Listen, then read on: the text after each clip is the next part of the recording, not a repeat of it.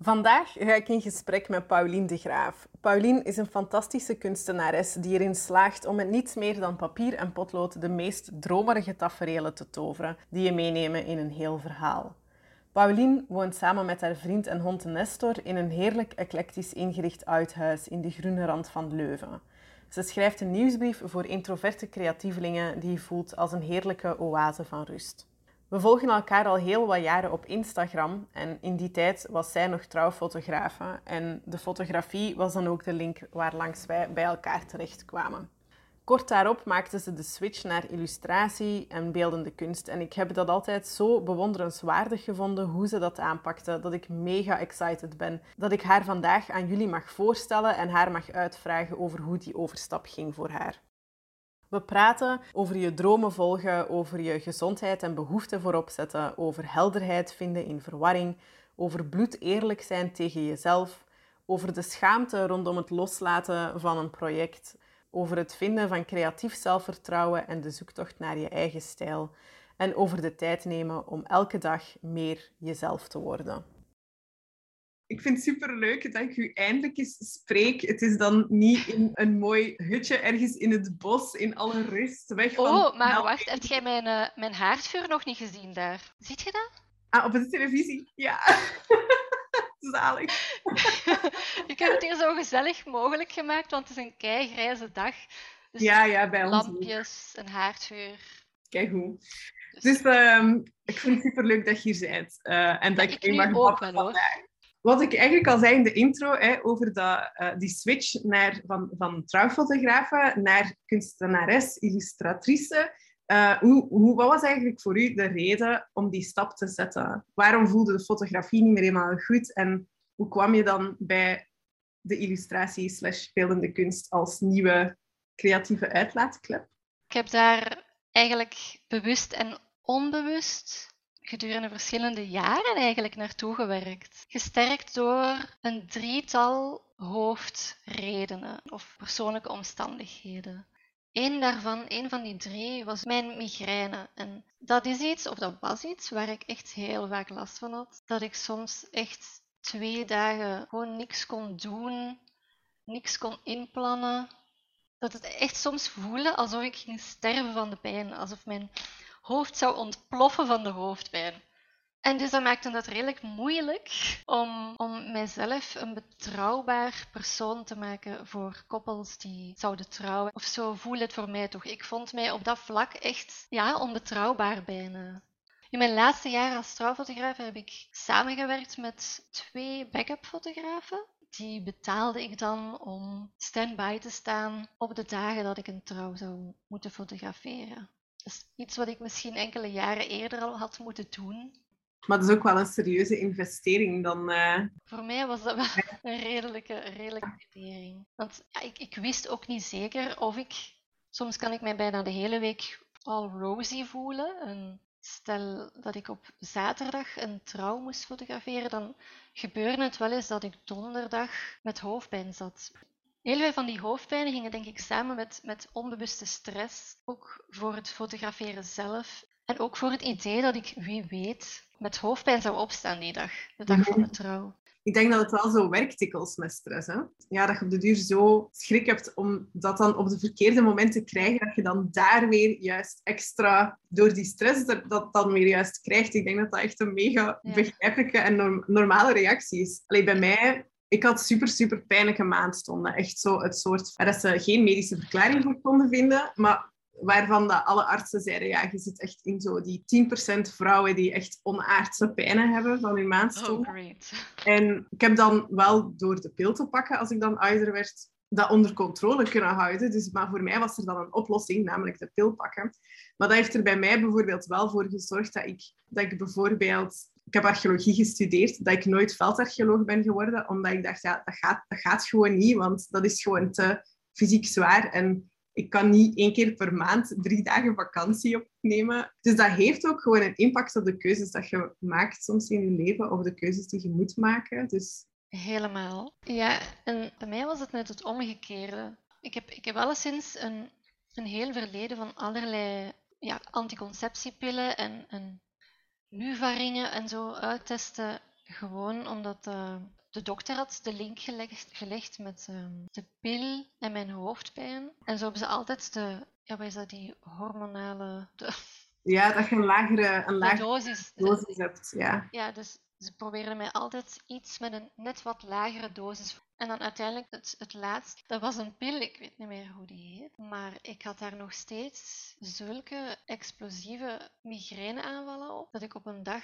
ik ben daar gewoon mee gestopt. En eigenlijk als sneeuw voor de zon, verdween de hoofdpijn. zijn die explosieve migraineaanvallen echt gewoon verdwenen. Dat kan ook zijn dat dat in het begin wat, mentaal was weer al, hè, dat je...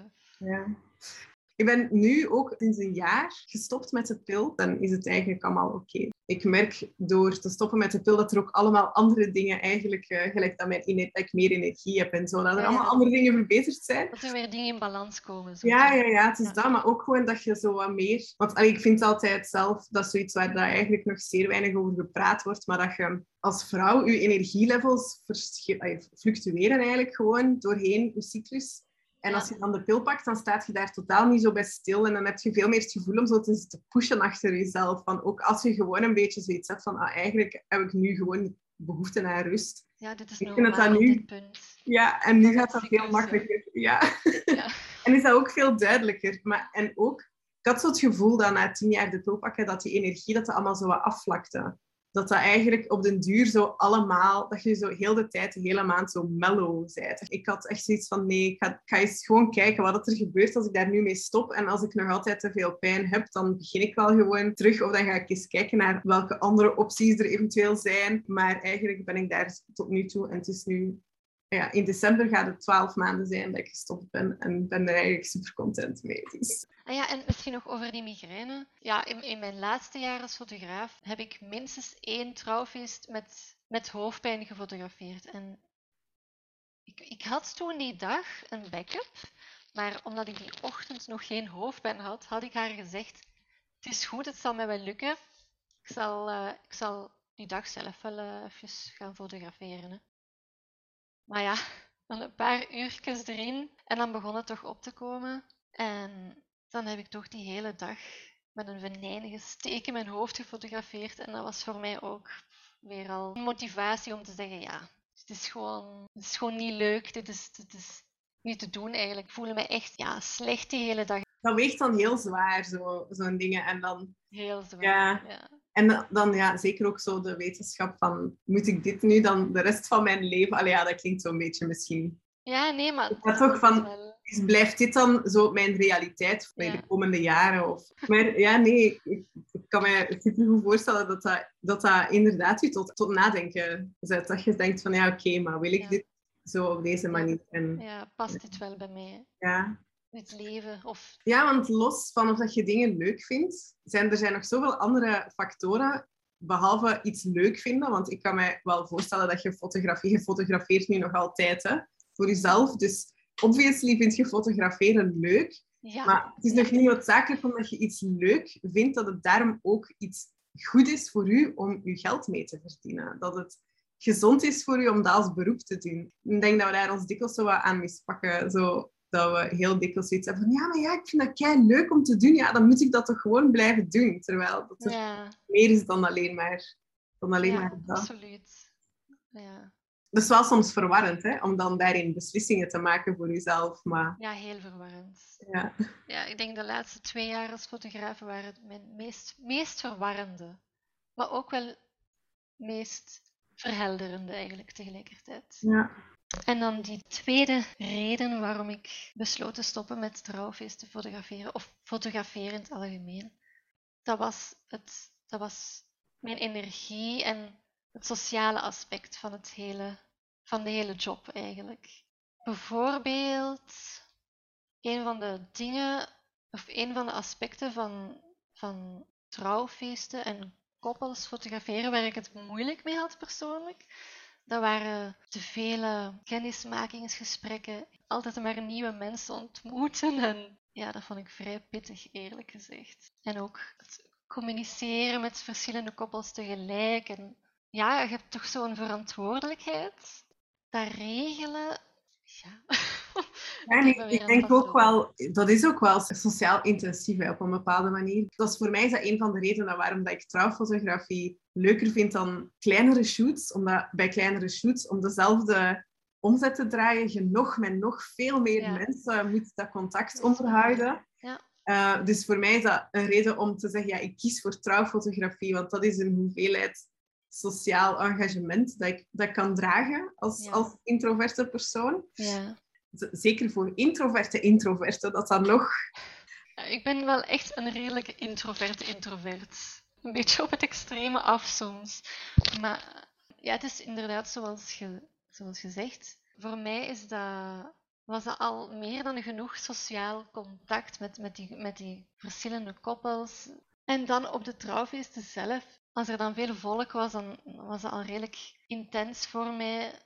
Alle geroezemoes. En als de dag dan zo heel volgepland was.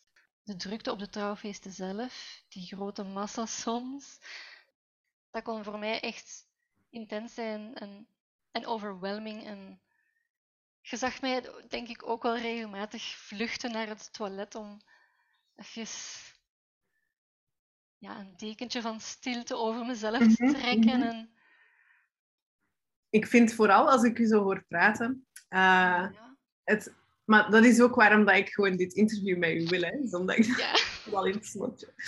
Uh, nee, dat, dat ik dat super leuk vind, dat zeer veel andere zeer veel fotografen die komen heel dikwijls met de vraag van hoe kan ik mijn fotografiebedrijf toch runnen op een manier die voor mij als introvert niet te veel van mij vraagt. Of waardoor dat ik duidelijk mijn grenzen kan aangeven, zodat ik niet mm-hmm. zelf te veel van mijn energie moet weggeven en, en dat er dan te weinig terugkomt.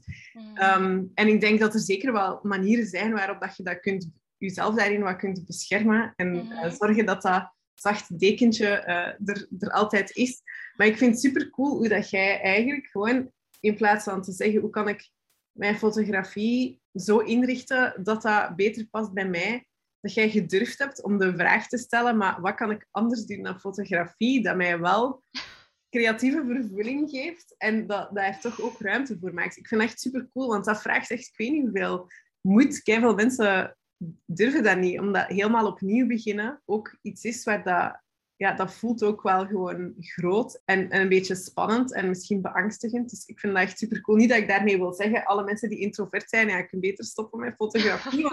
ik, ik doe het ook nog en ik ben ook introvert, maar gewoon dat dat ook een manier is waarop dat je ernaar kunt kijken. En, uh, en dat dat ja, dezelfde manier waar veel mensen niet aan denken om er op die manier naar te kijken. Ja, ik moet wel zeggen, ik heb wel lang ik heb wel lang gezocht naar manieren om het te, te mhm. maken voor mhm. mezelf. Ja, zoals die, die backup regelen bijvoorbeeld. En, ja, bijvoorbeeld. En zo had ik ook al lang op voorhand voor mezelf besloten, ik wil nooit een volle agenda hebben. Ik wil gewoon ik, ben, ik, wil maximaal tien trouwfeesten op een jaar. Zo, zo begon het. Ik wil mezelf zeker niet overweldigen door te veel shoots of door te veel trouwfeesten in te plannen, omdat ik mezelf ken ik ben begonnen bij 25 trouwfeesten per jaar. En dat was al, dat was al afbakenen, want zeer veel andere beginnende trouwfotografen die succesvol zijn, die fotografeerden gemakkelijk 35. En ik had echt iets van, no Ja, die vliegen er meteen in. En, en... Ja, dat gaat, echt, dat gaat echt niet. En dan ben ik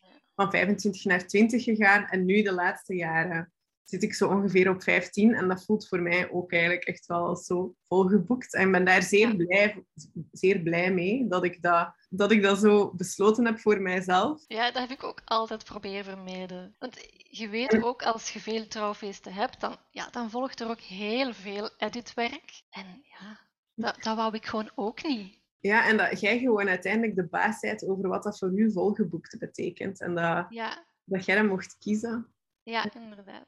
En had nog een derde, een derde reden die leidde tot de, tot de overstap naar, of de carrière switch. Ja, dat is. De, belangrijkste eigenlijk.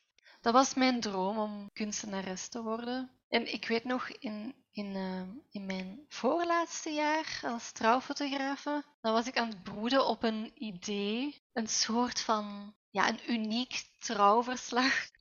En ik noemde het het mysterieproject dat kreeg gewoon die titel omdat ik nog niet echt wist wat Hoe het dat het was. zou noemen. Ja. Ja, hoe het zou noemen en, en wat het uiteindelijk zou worden. Mhm. Maar het, het, het basisidee was dat mijn trouwverslagen een soort van artistieke mix van foto en tekst en tekeningen zouden worden. En dat, ja, dat leek mij dan weer een geweldige manier om mijn stiekeme liefde voor tekenen door mijn fotografeerwerk te, te verweven. Of, of ja, Mhm, mhm.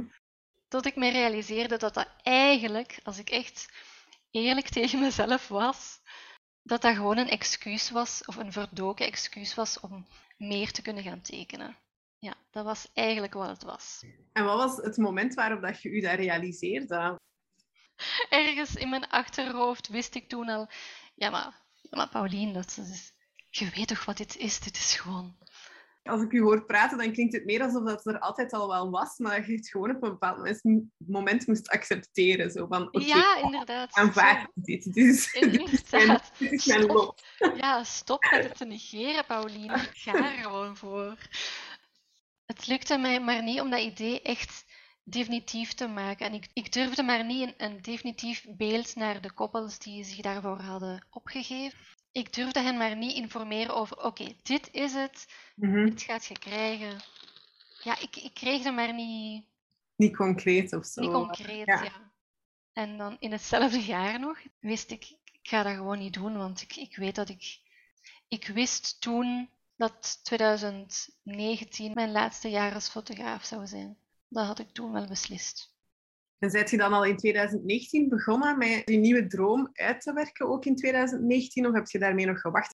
Ik had, ik, ik had eigenlijk al, al veel langer een, een tekeningen- of een illustratie-account Mhm. naast mijn fotografie-account op, op Instagram. Hè. En daar deelde ik af en toe al wel eens tekeningen. Dus in die periode dat ik, nog, dat ik eigenlijk nog probeerde om naast fotografen ook illustratrice te zijn. Maar ja, dat Mhm. werkte dus niet. Ehm, en dan, dus 2019, toen ik dan... Voor, voor anderen leek het alsof ik echt cold turkey was gestopt met fotograferen. Maar voor mij was dat al langer bezig. Mijn laatste trouw was in 2000. Jaartallen ook nog. Confus. Jaartallen, maanden. Mijn laatste trouw was in september. En toen ben ik dus ehm schijnbaar cold turkey gestopt, maar daar was ik dus al maandenlang naartoe. Ja, ja, want je hebt al einde. veel langer geleden een stop gezet op je boekingen en zo. Ja, ja, Ja. ik had in 2018 dus al gezegd. 2019 wordt mijn laatste jaar Ja. te fotograferen. Dan had je eigenlijk al gewoon al lang besloten van ik neem er geen nieuwe niet meer bij voor 2020. Oh, wel ja, dat was dus net voor de, voor de pandemie, dus ik heb eigenlijk enorm veel geluk gehad. Tijdens de pandemie stoppen met trouwfotografie is lastig, want alles wordt verplaatst naar de jaren Ja. En in september zat mijn laatste trouwfeest er dus op. En dan ben ik eigenlijk even heel erg gecrashed, om het zo te zeggen. Ik denk toen, toen alle schaamte, of de, de opgekroppen schaamte rond het Mhm. stoppen, maar tegelijkertijd ook rond het willen voortzetten van mijn fotografie en het toch ook weer niet willen. Dat dat zo een ontlading was. Niet? Ik noem dat altijd zo decompressie. Als je zo kei lang Iets heb opge opgekropt. Ja, en, en dan het moment waarop dat, dat niet meer hoeft, is Ja. daar. Dan Ja. kan dat ook gewoon zo, dan is dat zo wat een emotionele ontlading, dat je dat Ja. zo eindelijk mocht. En dan lijkt dat, dan lijkt dat alsof dat eigenlijk kei slecht gaat met je, maar eigenlijk is dat gewoon een deel van het proces van zo ruimte maken voor de nieuwe droom of zo. En dat allemaal even loslaten. Ja, en die ruimte had ik toen echt nodig, want ik, ik was toen... Ik heb toen ook alle sociale contacten gewoon stopgezet vanaf een moment. En ineens kreeg ik heel veel berichten van, van vrienden en kennissen en die wouden mij ineens... Die wouden mij allemaal spreken en die wouden, die wouden afspreken en die... Ja, dat, dat, was, dat werd mij gewoon een beetje te veel allemaal. En Even niet nu. Ja, eff- het is niet het moment.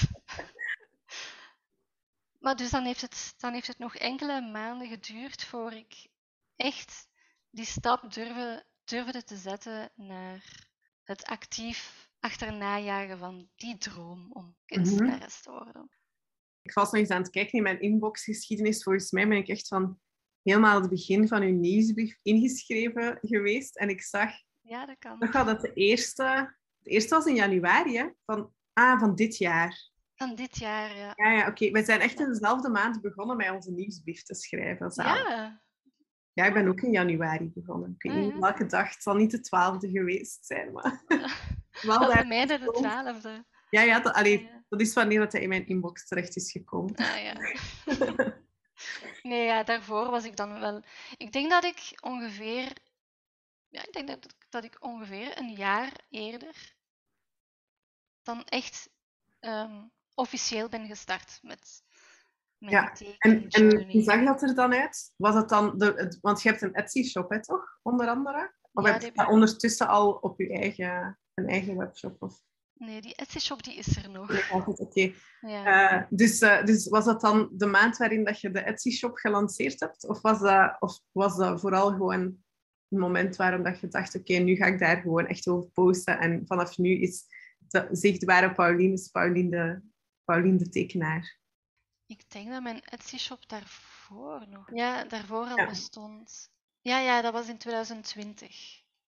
Ja, die heb ik ergens. Ik denk ergens rond mei 2020 heb ik mijn Etsy-shop geopend. Maar dan de, ja, het, het, de start van het delen van mijn tekeningen, dat was, dat was echt rond het begin van 2020. En dan ben ik eigenlijk door verschillende fases, zal ik het zo maar zeggen, gegaan. Dan heb ik eerst vrije wilde dierentekeningen gemaakt en cabins in the woods en bergen. En dat, was ik, dat, was dan de, dat waren dan traditionele potloodtekeningen. En dan daarna begon ik richting de hondenportretten te gaan. Dan had ik ineens zo'n idee, ik wil, ik wil hondenportretten maken, maken als, eh, als job. Dat leek mij leuk. Ik, ja, ik ben geobsedeerd door honden. Ja, ja. Je hebt zelf natuurlijk ook een hond, dus ik snap Ja. waar de inspiratie vandaan komt. Ja, dus, en het leek, het leek mij wel fijn om anderen blij te maken met een mooi getekend portret van hun hond. En toen ben ik weer op, op een organische manier getransformeerd naar digitale illustratie. Dan had ik een iPad gekocht en dat opende weer nieuwe deuren. En dan kon ik, dan kon ik zo meer gaan experimenteren met de ideeën die in mijn hoofd zaten. Want ik weet nog, ik vond die hondenportretten tekenen leuk, maar tegelijkertijd begon er in mijzelf zoiets te groeien van, ik wil toch weer mijn eigen creatieve ideeën op, op papier zetten. Of, ehm, En misschien ook wel zo meer speelsheid erin vinden voor jezelf. Ja. Als, bij een, een- als je echt met, met potlood en papier tekent, tenminste, dat, dat is bij mij altijd zo. eh, terug in, want ik heb al jaren niet meer getekend. eh, Of ik doe niet meer, niet meer dan alleen af en toe eens doodelen. Maar eh, dat, dat er toch altijd wel op papier zo'n beetje de druk is van dat het van de eerste keer goed moet zijn of zo. Dat was voor mij toch. Terwijl digitaal Ja. kun je altijd op undo klikken. Lang leven de undo-knop. ja, dat was, dat was best wel convenient met die iPad. Je kon duizend keer opnieuw beg- beginnen. Dus, eh, dus dat dat in die zin dat dat zo ook wel wat van de druk wegneemt. En dat je daardoor speelser kunt zijn en meer gewoon je creativiteit vrijlaten, omdat je niet al op voorhand aan het editen bent, eigenlijk, voordat het Ja. op papier komt. Ja, dat was best wel handig voor een gigantische perfectioniste als ik. Ja, inderdaad. en in welke fase zijt je nu?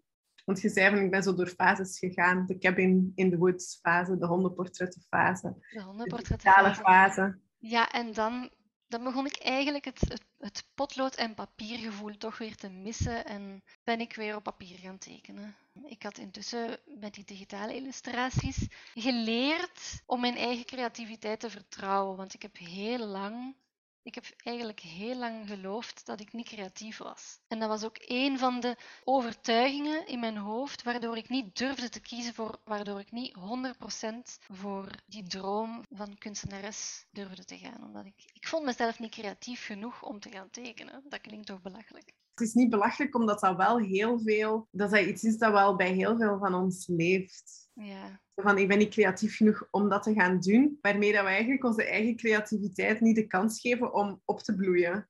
Door Ja. het eigenlijk al gewoon zo af te... Af te schrijven. Af te Of jezelf daarop... Ja, Dus allee, ja, belachelijk klinkt zo hard voor jezelf. Hè? Dus ik zou dat zeggen van, ja, maar nee, zo moet je dat niet formuleren. Maar het is, het is, niet rationeel of zo. Het is eigenlijk een beetje absurd. Maar het is wel een zeer relatable, be- beperkende gedachte, denk ik. Waar heel veel juist creatieve mensen zich door laten tegenhouden. ja. Ja, Ja. inderdaad. Maar dus tijdens die digitale fase ben ik dus echt mezelf toestemming beginnen geven om mijn eigen ideeën en de werelden die in mijn hoofd zaten, om die op papier te gaan, op scherm, op mijn Mhm. iPads te gaan uitwerken. En daarom was dan de overgang van, van iPad terug naar papier veel makkelijker, omdat ik, omdat ik ten eerste ook weer veel had geoefend en dus ook dat, dat zelfvertrouwen in mijn creativiteit. Dat je op een bepaald moment begint te merken van, ja, de undo-knop, ik moet hem eigenlijk bijna niet meer gebruiken. Ja, ik, ja want ik heb, ik, heb, ik heb tekeningen gemaakt die ik. Ik heb letterlijk tekeningen gemaakt, hele scènes, werelden, zonder ook maar iets te gommen. En dat voelde zo goed om dat, om dat eindelijk te durven. Zonder gommen, zonder undo, undo, undo, undo. Ja, en nu zit ik dus terug in die, in die potloodfase. En En in het creëren van de werelden. In het, in het Ja. creëren van een wereld in mijn hoofd. En het, het gaat zoveel makkelijker. En ja, die perfectionist in mij, die is wel meer en meer op de achtergrond aan het verdwijnen. Ik vind dat super mooi dat dat eigenlijk uit uw verhaal ook zo naar voren komt. Dat op het moment dat je gaat zoeken naar een meer speelse manier, een lossere manier om er voor jezelf mee om te gaan en om erin te staan, dat dat eigenlijk dikwijls de beste manier is om je perfectionisme niet de overhand te laten nemen. Dat dat gewoon Ja. het plezier en het spel belangrijker wordt dan het, dan het helemaal perfect te willen doen. Ja, Om, om even naar een, een volgend topic te gaan. Het hele proces van de switch is helemaal rondom het kunnen inrichten van je leven en je dagen, je werkdagen, maar ook gewoon alles daar rond. Om te zorgen dat daar ruimte in is voor u. En ben eigenlijk heel benieuwd, nu dat je die switch gemaakt hebt, Hmm. hoe dat, dat op dit moment voor u voelt nu. Heb je dat al bereikt? Of zijn daar nog dingen die je daarin zou willen verbeteren? Of... En ook eigenlijk wel, sorry, ik ben weer vijf vragen tegelijkertijd aan het stellen. Hoe ziet een dag van een kunstenares er eigenlijk uit? Ehm, anders dan toen ik nog fotograaf was, heb ik nu eigenlijk echt geen gemiddelde, ge- geen gemiddelde werkdag meer. Nu is het veel meer Veel gevarieerder. nu. vloeiender of zo, fluid, dat flexibel. Dat het... Ja, ja, het is veel flexibeler en ik, ik, ik heb zeker geen gemiddelde, geen gemiddelde werkdag dat ik zo kan oplijsten en dat en dat en dat en dat doe ik. Mhm. S ochtends en dan 's middags dat en dat. Er zijn wel zo terugkerende dingen, zoals onze ochtendwandeling elke ochtend. Dat is gewoon zalig om je dag zo te beginnen. Gaan wij meestal het bos in met onze hond. Ik vind het echt zalig om mijn hond zich zo kapot te zien amuseren in het bos. En ik heb ook vaak mijn verrekijkertje mee en dan kijk ik naar, naar de vogels, de spechten. Gewoon die beweging en die frisse lucht zo vroeg in de ochtend, Dat klinkt zalig. dat doet echt gewoon goed. Ja, dat doet Mhm. echt deugd. Dat is echt even... Allee, ja, dat klinkt dan misschien een beetje spiri, spiri, spiritueel. Zo, dat, maar dat is echt een beetje aarde, toch? Zo aan het begin van je dag gewoon zo de natuur opsnuiven en met je voeten in de modder staan. Alleen op in het gras of tussen Ja. de parens of wat dan ook. Ja, dat klinkt Ja. echt zalig. Ja, dat is echt. Dat is, ik kan mij geen fijnere manier inbeelden om mijn dag te starten. Met die vroege boswandeling. Ja, wanneer de meeste mensen nog slapen of, of in alle drukte naar hun werk aan het vertrekken zijn. Ik kan wel een voorbeeld geven van een hele fijne, memorabele werkdag van Mhm. onlangs. En dat was. Dus die begon alweer met een, met een mooie boswandeling. En dan een beetje later op de, op de ochtend. Het was echt een heel zonnige dag. Een herfstige zonnige dag, dus de, de zon stond zo heel laag en kwam hier zo door de gordijnen stralen. En dan kreeg ik ineens inspiratie om, om, een, om een kleine flatlay shoot te doen. Voor degenen die niet weten wat dat is, een flatlay, dat is als je zo van bovenaf een, een compositie of een mooie compositie van allerlei voorwerpen fotografeert. En dat deed ik dus die ochtend om dan een nieuwe tekening die ik had gemaakt in de verf te zetten. En een, een mooi handgemaakt bordje dat ik onlangs van een mede-creatieveling had gekocht. En dus met dat licht dan en, en, en, ja, zo de, de, de verse inspiratie van de, van de boswandeling, had ik gewoon goesting om dat te doen. Dus ik, ik heb dat gewoon gedaan.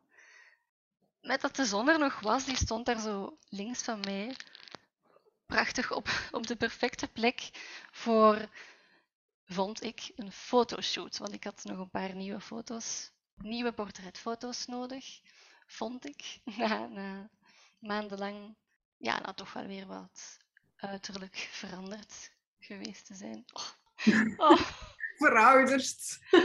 Ja, ik was alweer enkele maanden ouder. Ja, verouderd.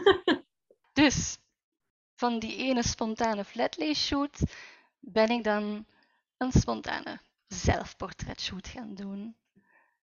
Dus mijn gsm super wankel op een stapel boeken gebalanceerd. En ja, foto's gemaakt. En dan even later had ik zin om een film te kijken. En ik had onlangs gehoord van een film over, van, over um, een deel van het leven van Van Gogh. Um, oh, mijn stem, ik moet even drinken, wacht. Oké. Dus na die portretshoot had ik zin om een film te kijken. En het werd dan At Eternity's End. Ik herinner mij dat ik, dat ik hier in de zetel zat en naar die film zat te kijken en het, en het zonlicht was nog zo heel mooi tussen de bladeren door en tussen de, de gordijnen door op, het, op de muur aan het. En ik vond dat ja, ik heb gewoon echt op dat moment genoot ik echt gewoon. Ja, gewoon van het moment zelf en, en, en wetende dat ik dat dat zo een dag was die ik helemaal zelf op mijn eigen tempo aan het vormgeven was en, en volgens, wat ik, volgens waar ik zin in had op dat moment. Maar dus over het algemeen heb ik dus geen echte vaste dagindeling, maar wel wat er wat er belangrijk is voor mij op een dag, dat is ja, sowieso de nabijheid van de natuur. Uh, mijn hond. Mijn interieur. Ik vind dat, ja. dat is voor mij ook weer een manier om, om mij beter te voelen. Om mij, of om mij beter om een ruimte te creëren die me inspireert en die mij rust geeft. En ja. waar ik mij gewoon thuis, ja, waar ik mij echt thuis voel past gewoon bij mij zoals ik het. Of ja. Dat klinkt echt allemaal mega zalig. Ik denk dat veel mensen daar jaloers op zouden zijn.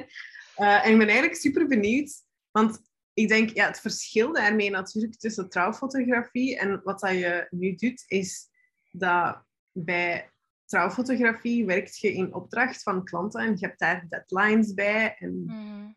En je hebt afspraken, de afspraken van je gesprekken en van je trouwfeesten. Ja, de deadline van de foto's af te leveren en zo.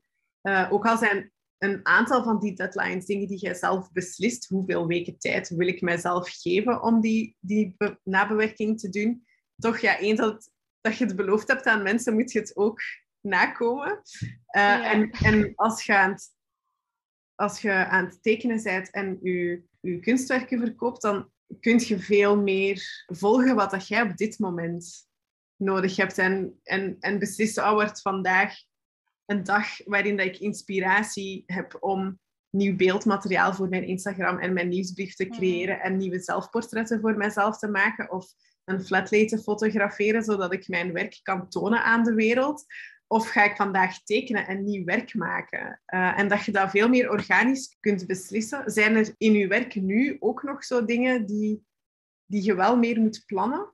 Dat zou eigenlijk wel moeten. Bijvoorbeeld mijn nieuwsbrief. Ja.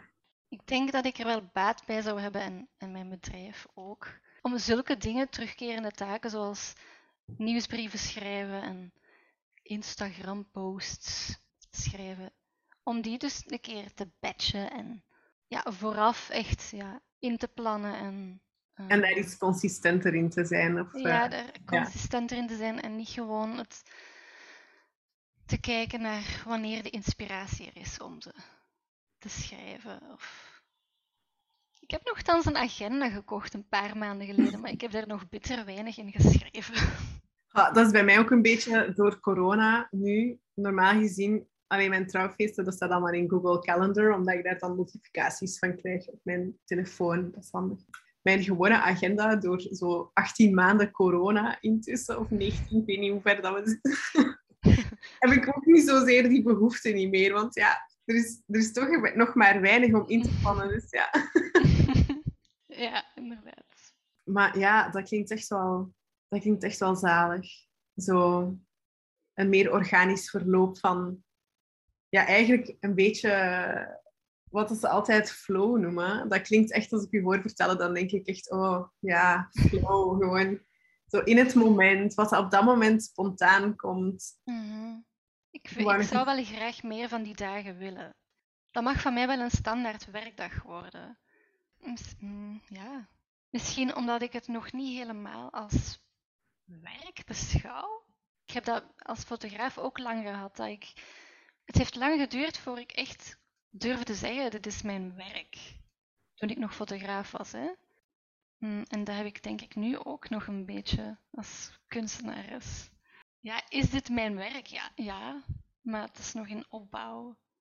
Het is ook nog geen bedrijf, dus er staat een zekere constructie, een, een, een, een houten skelet, maar uh, ja, het, het, is nog niet winstdicht, om het zo te zeggen. En buiten zo het, uh, het consistenter zijn in of het batchen van dingen als content voor je social media en voor je nieuwsbrief. Wat zijn, wat zijn er nog dingen dat je het gevoel hebt van, ah, dat, moet, dat moet eerst in orde zijn voordat ik het mijn werk mag noemen? Dat moet eerst. Want ik denk, maar ja, Pauline, dat is gewoon je werk. Je hebt gewoon een stijl die mega herkenbaar is. Ja, ten, ten, ten eerste al een inkomen hebben. ik heb, ik, ik heb um, die Etsy-shop heb ik, maar dat is maar heel sporadisch dat, dat, dat er iemand iets koopt en dan nog. Dat zijn digitale producten van mini-bedragen. Dus wat ik daaraan verdien, dat is echt ja, bijna niks. En um, ik ben me wel aan het voornemen om ja, net het enige wat mij min of meer, waar ik min of meer iets aan verdien, om dat weg te halen. Want die Etsy-shop, dus ik heb die, die producten, dus die, die digitale tekeningen, die printables die daarin mhm. staan. Ik heb die opgestart vanuit het idee dat mijn originele tekeningen wel niet zullen verkopen. Dat zal wel. Die zullen wel geen succes hebben. Iemand gaat dat willen kopen, dus hou het maar veilig bij kleine bedragen. Tekeningen die wel veel makkelijker, of, of producten die wel veel makkelijker zullen verkopen. Dus die printables. Um, maar intussen ben ik zo gegroeid als kunstenares. Heb ik veel meer zelfvertrouwen in mezelf gekregen, in mijn kunnen en in die droom zelf, dat ik niet het gevoel heb dat ik die Etsy-shop nog nodig heb. Dus ik zou die graag wel, ja, ik zou die wel graag willen loslaten, omdat dat niet meer past bij mijn huidige visie, het toekomstidee dat ik voor mezelf heb als kunstenares. Ik zou dat gewoon doen, dat loslaten. Dat is, dat is een versie van de dat houdt bij een versie van de, of een vorige versie van Pauline. Hè. Dat is wel wie dat jij zijt, maar dat is niet meer de huidige versie van Pauline. Die heeft, ja, dat is inderdaad nog van die fase, die vorige, die digitale illustratiefase. En intussen, ja, ben ik meer... De Pauline die gewoon haar autonome kunstwerken mag verkopen. Ja, ik ben meer ja. ja, ik ben op, de, op een of andere manier meer mezelf aan het worden nu. Dat is de droom die ik altijd had, die ik altijd al heb gehad. Dus dat was potloodtekeningen maken en die verkopen, de originele werken. En ik heb er wel een punt van gemaakt het afgelopen jaar om die droom echt uit te spreken mhm. en daarnaar, daarnaar actie te gaan ondernemen. En alle andere dingen inderdaad los te laten. Maar die Etsy shop, ja, dat is nog het, dat is nog het allerlaatste dat ik, ja, dat ik moet durven loslaten. Denk je dat het na vandaag gaat lukken? Nu dat je dat tegen een onbe ongedefinieerd aantal mensen hebt uitgesproken, dat je dat nu moet doen? Ja, misschien. Op dit moment, op dit moment luisteren er zo gemiddeld 100 mensen naar elke aflevering van mijn podcast. Dus je hebt dat nu tegen 100 mensen gezegd, Paul. Oké, wie, wie, wie, whoever, allee, wie, wie dan ook aan het luisteren is nu, ga maar eens kijken naar mijn Etsy shop en uh, zou hij er nog zijn of niet? Misschien moet ik hem toch maar uh, eraf halen. Of op zijn minst offline zetten en plaats maken voor originele, originele tekeningen. Ja. Als je nu zou, op het punt waar dat je nu bent, de Paulien die altijd maar meer uh, zichzelf aan het worden is, zoals dat je net zo mooi zei. Als je nu zo zou mogen advies geven aan de Paulien van 2018, 2019, die net besloot van ik wil iets anders. Mhm. Wat zou je dan nu meegeven als advies aan jezelf? Welke tips zou je geven aan je jongeren zelf? Ik zou alleszins zeggen tegen haar: stop met twijfelen. Je hebt een droom. Je hebt die nu al lang genoeg voor jezelf gehouden. Ga, ga er op zijn minst met iemand over praten al. Ik heb, mijn, ik heb die droom om kunstenares te worden echt lang voor mezelf gehouden. Ik heb daar met bijna niemand over gepraat. Als je met zo'n droom zit, doe daar gewoon iets mee. En negeer dat niet. Zeker niet negeren. Dat is het mhm. slechtste wat je kunt doen. Ik heb die droom, om, die droom van mij om kunstenares te worden echt lang genegeerd. En zelfs lichtelijk, lichtelijk bespot zelfs. Bijna. Want Paulien, doe niet belachelijk dat ze kunstenaar worden. Dat is, dat, is, dat is enkel weggelegd voor mensen met een bepaalde persoonlijkheid en mensen die connecties hebben en die hun diepste gedachten en emoties met een, met een paar abstracte klodders verf op doek kunnen zetten. Ja, je weet wel, zo het, ja, ja, en het klassieke verhaaltje. Ja, ik denk dat dat... Ik denk dat dat bij zeer veel dingen is. Ik, daar, ik weet niet wanneer, gisteren las ik daar nog ergens iets over, maar in een andere context. Dat, dat zeer veel van de voorbeelden die dat we hebben in de wereld, Um, zo van, wat is een succesvolle ondernemer? Wat is een succesvolle kunstenaar? Wat is een succesvolle whatever?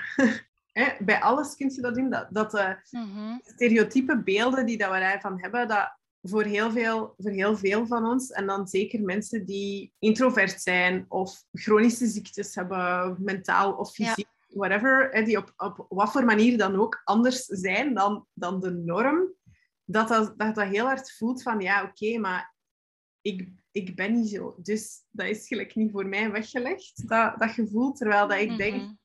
De wereld heeft juist mensen nodig die durven een andere manier te vinden voor, die wel bij hun past, die anders is dan zo de blueprint die dat we overal rond ons oren geslagen krijgen of ja, zo. Omdat, omdat super, super veel mensen niet passen in dat stramintje. En dat is heel, zo jammer dat, dat er dan alleen maar ruimte zou zijn voor alle mensen die perfect passen bij zo de stereotypen. Maar daarom dat ik dat ook al zei, want ik vind dat zo bewonderenswaardig en moedig. Ook al voelt dat voor u misschien niet zo, maar dat je de ruimte neemt om, om buiten die stramine te zoeken naar een andere oplossing in alle imperfectie en met alle op je eigen tempo ook. En dat je gewoon de ruimte neemt om ook te zoeken naar ja, wat dat je zelf zei van ja, het voelt nog niet echt als een bedrijf, want ik heb nog niet genoeg inkomsten daaruit. Maar dat je ook dat niet echt dat je dat niet gebruikt als een reden om er dan maar mee te stoppen, maar dat je dat gewoon ziet als een proces. Ik vind dat echt wauw. ik vind dat echt super mooi. En inspirerend. En je moet het natuurlijk wel kunnen, uh, zo dat dan financieel dragen of nog een job ernaast hebben of een partner die genoeg verdient voor, voor, voor jullie allebei. Ja, ik moet wel absoluut mijn vriend credit, mijn, mijn, moet, dat, moet, dat moet toch wel gezegd worden. Um, het is dankzij mijn vriend dat ik dat kan op deze manier. Die geeft mij. Het is dankzij hem dat ik de dat ik de, de, de, vrijheid heb eigenlijk om het zo rustig aan te doen en, en, en om, om stilletjes uit te zoeken welke richting ik uit wil met mijn tekeningen. En dus ook om, om mij op mijn tempo ja, er, ja, verder in te laten groeien en een echt bedrijf van te, te maken. Dus dank u, Jo. ja, dat moest, dat moest toch wel even gezegd worden. Maar um, wat je daaruit zei, van, dat je het zo bewonderenswaardig vindt. Ik heb die of vond toen, Mhm. toen ik stopte met fotograferen. Ik heb die reactie heel vaak, heel vaak gekregen. En ik weet nog dat ik dacht, ja, maar dat was voor mij zo, dat was, dat was voor mij eigenlijk zo logisch om niet te blijven hangen in een, al was het nog zo'n boeiende creatieve job, om, om Mhm, daarin te mhm. blijven hangen. Als je toch diep in jezelf voelt dat je dat niet, dat dat toch niet helemaal iets voor u is. En dat je daar niet, dat je daar diep van binnen helemaal niet zo gelukkig van wordt als, als ik me, mezelf had voorgesteld toen ik daar een paar jaar eerder mee startte. Mhm. Of erin rolde eigenlijk, ja. En, en toch, ondanks dat het voor mij zo'n logische beslissing was, ja, was het toch enorm moeilijk. Dat ging echt gepaard met veel schaamte. Veel mensen hadden al zo'n beeld van mij. "Pau- Ja, Paulien is, trouwfotograaf en, en, ja, en die is goed bezig en ja, dat, dat wordt wel iets.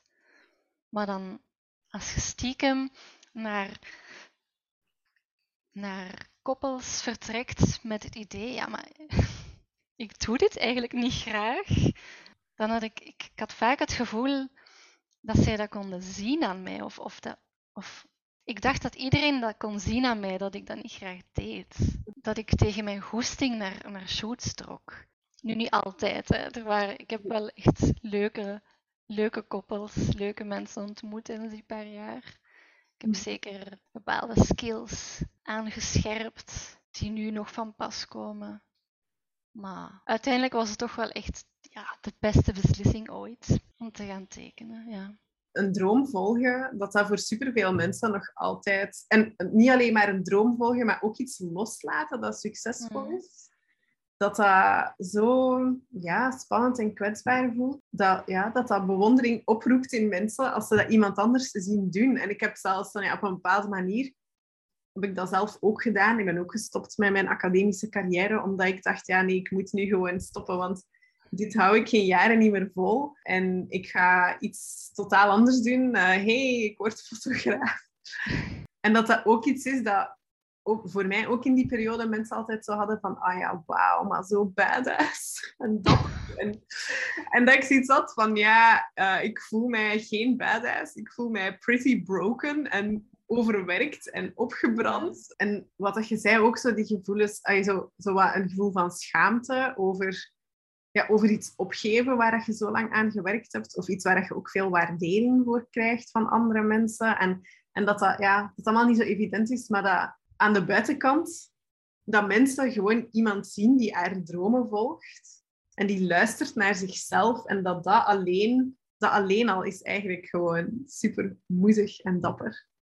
Ik, denk dat, ik herken dat dus als ik, als ik naar u kijk, dan herken ik heel hard dan voel ik ook voor u bewondering. En tegelijkertijd weet ik ook van, ik heb dat zelf ook gedaan. En toen voelde dat voor mij helemaal niet als een bewonderenswaardig iets. Nee, inderdaad. Dus dat je dat, als je dat zo bij iemand anders kunt zien, dan zie je wel van, ah ja, ik heb daar wel iets gedaan Mhm. dat totaal niet evident is. Ik heb Mhm. iets gedaan dat heel veel mensen jaren, jaren uitstellen als ze het ooit al doen.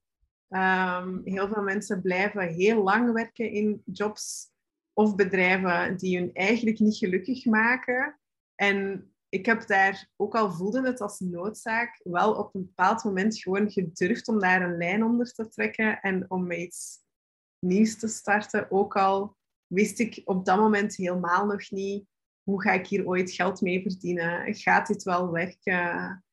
Of zelfs, ik weet niet eens exact precies wat ik wil doen. Iets met tekenen, maar ja, wat ga ik doen? Ga ik hondenportretten doen of digitale illustraties? En dat je jezelf die ruimte durft geven om dat, uit te, om dat te ontdekken. Ik denk dat dat, dat, dat echt iets is dat, dat totaal niet vanzelfsprekend is. En waarvan dat ik zou toewensen aan heel veel mensen die vandaag, aan alle mensen die vandaag luisteren, dat ze dat, dat, ze dat voor zichzelf ook, ook durven en mogen doen. Want Mhm. Ik vind dat wel iets heel moois. En, ah ja, en bewonderenswaardig dus. Ja, ik heb dat wel. Ik, ik heb het een, een tijd geleden ook wel beseft dat het, dat het zeker niet, niet evident was wat ik heb gedaan. En dat er wel iets inspirerends aan is, Mhm. I guess. dat, heb ik, dat, dat, heeft lang geduurd voor ik dat zo inzag. Uh, maar intussen probeer ik dat ook wel aan te moedigen bij, bij de mensen die mijn, mijn kunstreis, mijn, mijn art journey volgen.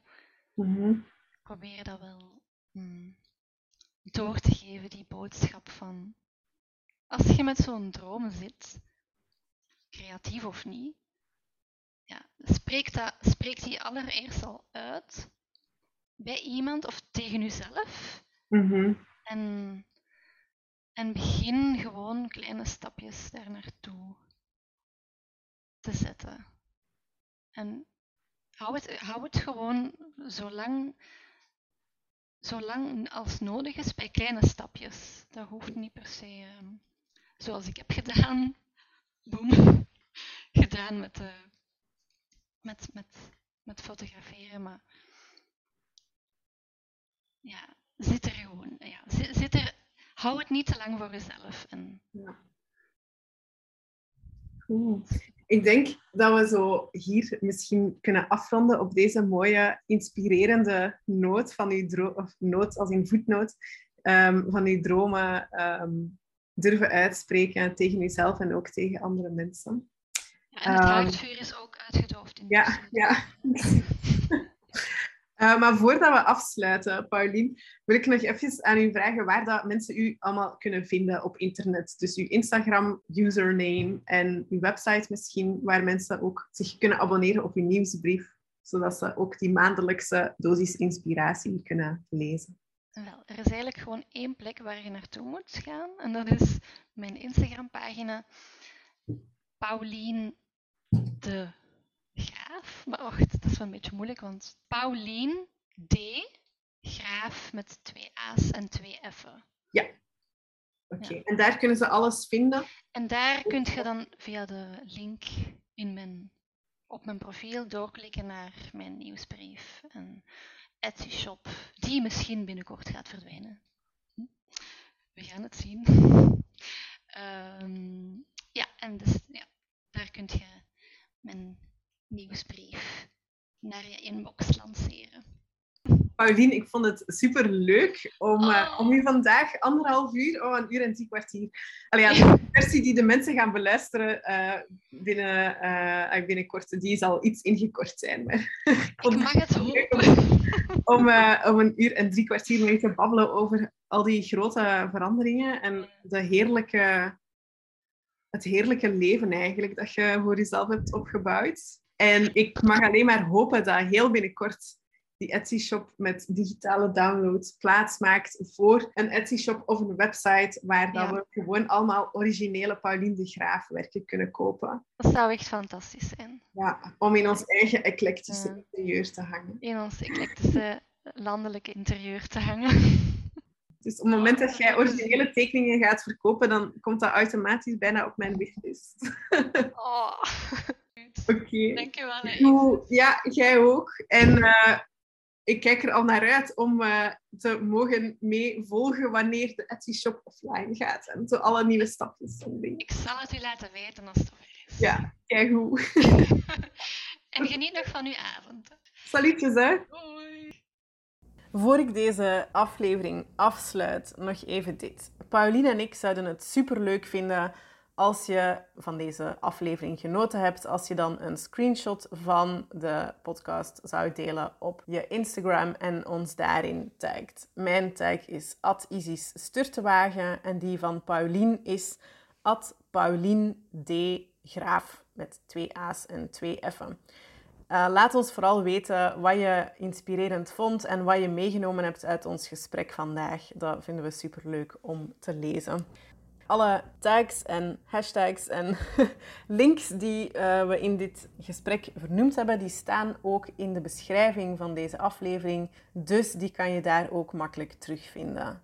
Als je hebt genoten van de aflevering van vandaag en je bent hier nieuw of misschien volg je al iets langer mee, maar heb je je nog niet geabonneerd, dan wil ik je zeker ook uitnodigen om even op de knop te klikken zodat je in de toekomst ook op de hoogte blijft van nieuwe afleveringen met interviews met andere inspirerende creatieve ondernemers en verhalen uit mijn eigen ondernemersavontuur.